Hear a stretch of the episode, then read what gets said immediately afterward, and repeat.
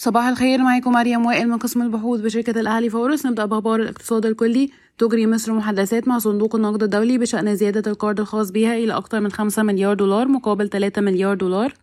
قال وزير المالية أن الحكومة تتوقع اقتراض ما لا يقل عن مليار ونصف دولار حتى نهاية العام ويشمل ذلك الإصدارات المخطط لها بقيمة 500 مليون دولار من السندات المقومة باليوان الصيني في أكتوبر والسندات المقومة بالين الياباني في نوفمبر.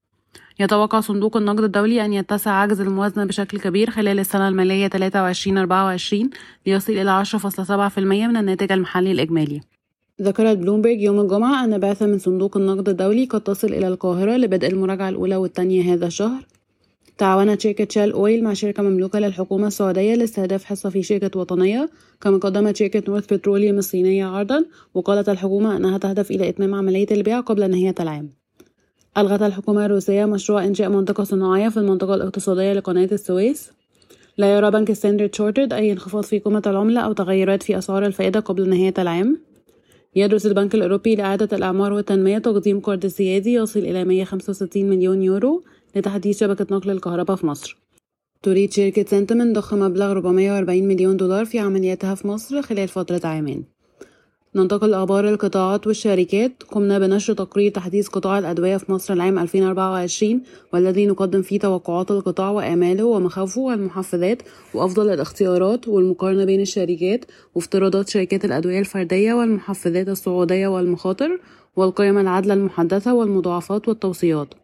قدمنا في التقرير تفاصيل تقييم شركة ابن سينا فارما قيمة عادلة أربعة جنيه واتناشر قرش مع توصية بزيادة الأوزان وأبيكو قيمة عادلة تمانية وتلاتين جنيه وتسعة وسبعين قرش مع توصية بزيادة الأوزان. ورميدة قيمة عادلة اتنين جنيه وتسعة وسبعين قرش مع توصية بزيادة الأوزان. وشركة الإسكندرية للأدوية قيمة عادلة مية تسعة وستين جنيه وستة وأربعين قرش مع توصية محايدة. وشركة القاهرة للأدوية قيمة عادلة أربعين جنيه وعشر قروش مع توصية محايدة. وشركة العربية للأدوية قيمة عادلة تسعة وستين جنيه وتلاتة وسبعين قرش مع توصية محايدة.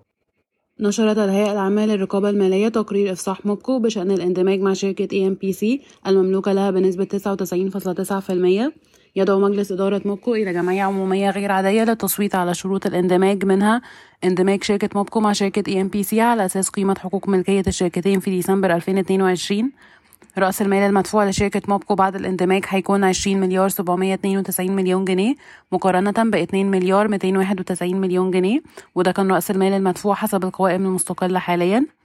بالتالي ستقوم شركة موبكو بإصدار أسهم جديدة على اعتبار أن كل سهم في شركة موبكو قبل الاندماج سيعادل تسع أسهم بعد الاندماج ده معناه إن الاندماج يتضمن توزيع أسهم يتم تمويلها من الاحتياطات والأرباح المحتجزة وبما إن شركة موبكو تمتلك بالفعل معظم شركة AMPC ويتم توحيدها في القوائم فهذا لا يغير إجمالي قيمة حقوق الملكية لشركة موبكو من وجهة نظرنا ولكن يتم توزيع قيمة الشركة على العدد الجديد من الأسهم وبناء على ذلك ستتغير القيمة العادلة من 250 جنيه و67 قرش للسهم إلى 27 جنيه و62 قرش للسهم بعد إصدار الأسهم الجديدة.